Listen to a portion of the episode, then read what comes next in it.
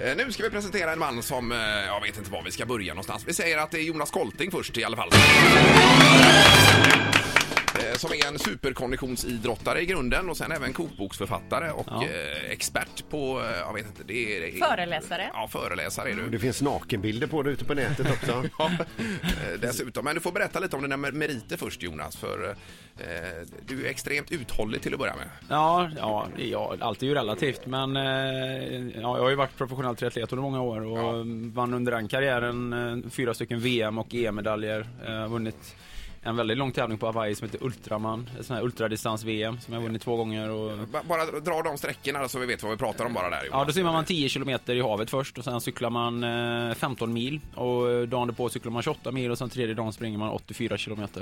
Eh, Dubbelt maraton där på slutet. 84 kilometer på i ett svep. Ja, Ja. Eh, och och då, då sa du, det- Ultraman heter den tävlingen på Hawaii. ja precis. Men, men alltså om man tittar i just den världen, vilket anseende får man när man har v- gått och vunnit den? Ja, jag tror att eh, det, är, det är klart att det finns en viss respekt naturligtvis i det, och det Men det finns ju jättemånga triathlon-tävlingar och det finns extremt hårda och många och långa och konstiga eh, evenemang runt om i världen va? Ja. Så att eh, det här är ju naturligtvis extremt hårt och tufft men det finns ju många andra tävlingar som är lika hårda på sitt sätt också. Så att, Ja. att vinna tävlingar i den här digniteten är alltid hårt. Så att säga, va? Så Ja, att, det är klart. Men eh, man behöver men ju grejen inte- är ju den att det finns ju aldrig har man gjort någonting som är hårt så kan man ju alltid lita på att det finns någon annan som gör det dubbelt så, dubbelt så, så är det väl. hårt och tufft va. Så att, Men jag tänker då när du har gått i mål där efter 84 kilometer. Ja. Eh, Kände du då, eller känner du då att du fort hade kunnat springa lite till? Eller är det man liksom... eh, Jag känner att jag inte hade velat springa någonting till. Nej. Men hade du klarat det? En mil till? Klarat och klarat. Det är klart man, man anpassar ju sig till den distansen som man kör va. Så att, men, Klarat eh, och klarat, det är klart jag hade ja. klarat. Jo, säger han. jo men om, om det hänger på, jo det är klart man hade gjort det om det hade varit så va? Då hade man ju ställt sig in på det. här. Men om någon hade sagt till mig när jag gick i mål, nej du är inte klar än, du ska springa en mil till. Ja. Det hade jag ju ogärna gjort. Ja, det är klart. Mm. Ja. Jag tycker vi tar den här utmaningen med en gång som Jonas nämnde för oss under breaket förut. Eh, som eh, ska gå av stapeln i sommar. Ja, Mm. i samarbete med Unicef. Eh, Jonas Kolting, berätta lite grann, för det, vi höll på att tappa hakan här i studion. Ja, eller vi, vi har inte, vi, eh, alla partners och sådär är ju inte klara än naturligtvis, men syftet är i alla fall att lyfta rent vatten och eh, sustainability och miljö och fysisk t- träning och simsäkerhet. Så jag ska, jag ska simma genom Sverige, jag ska simma mellan Stockholm och Göteborg.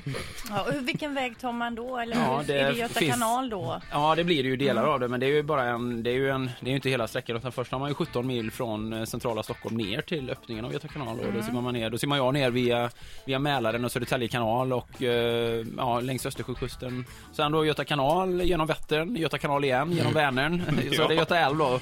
Och där hoppas jag att det är en jäkla med, medströms här då, för att kunna driva ner till Göteborg. På, på slutet. Och då pratar vi om en total simsträcka på ungefär 60 mil. Ja. Är det frågan om. Det är alltså hela semestern som Mm. går åt i Och detta. på sex veckor. Ja, om man nu hade haft någon semester så att, ja visst. det Och kan du man sa säga. själv att, att eh, d- folk betalar ju för att åka Göta kanal. Här liksom Ja. ligger du och simmar och och Ja. tillbringar hela din semester, eller sommar. Jag tänker mig att det blir som en eh, liten, ja, som en liten båtcruise. Man simmar någon timme på morgonen där och sen så tar man en kaffe på stranden och sen så, ja.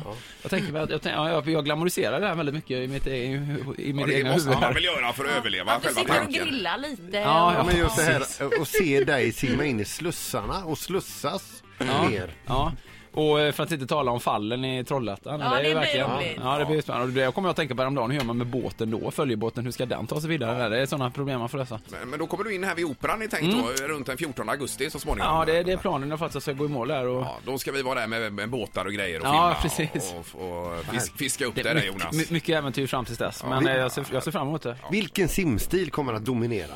Det är den klassiska crawl-stilen som kommer att dominera. Det är egentligen det enda simsättet som faktiskt fungerar i de här sammanhangen. och Som är, Fjäril. Det, nej, inte mycket fjäril, nej. Det skulle jag nog inte jag vilja påstå. Men det är klart lite ryggsim och sådär för att, bryta, för att växla in andra muskelgrupper. Och lite bröstsim i samband med att man äter och dricker vatten kanske. Men crawl 99,9% av Hur tiden. laddar du upp inför det här nu? Vad gör, kör du för träning? Ja, jag kör mycket simträning helt Ja, enkelt. men jag Jag- tänker m- muskulärt, är det något Ja, du jag tränar? tränar. Ja, jag, ja, jag kör lite extra styrketräning faktiskt för att vara lite starkare. Jag behöver vara lite, jag har varit, behöver- ja, jag ska inte vara riktigt så tunn som jag varit annars på somrarna när jag tävlar triathlon. Så jag var lite mer, tittar man på de här klassiska maratonsimmarna, de är ju ganska säliga och tjocka och stabbiga och sådär. Så att, Tjocka och stabbiga nej men det är de ju bordet. faktiskt. Och det är ju kroppens reaktion när man vistas i, i kallt vatten under lång tid. Alltså man blir, lägger på sig, man, man blir lite sälliknande i kroppen. Ja, så då ska man inte hålla på med simning då? För det Nej. vill man ju inte bli sälliknande. Men alltså, nej, jag- klart, men ha, öppet vattensimning flera timmar om dagen i 16, 17, 18 grader. Det är ju, lite, det är ju annat än att simma i Valhalla en kilometer liksom. Ja, ja. Så att, du behöver nog inte vara orolig för det. Nej, nej. Ett poddtips från Podplay.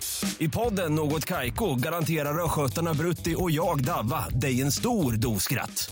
Där följer jag pladask för köttätandet igen. Man är lite som en jävla vampyr. Man har fått lite blodsmak och då måste man ha mer. Udda spaningar, fängslande anekdoter och en och annan arg rant. Jag måste ha mitt kaffe på morgonen för annars är jag ingen trevlig människa. Då är du ingen trevlig människa, punkt. Något Kaiko, hör du på Podplay. Därför arkadeinerna.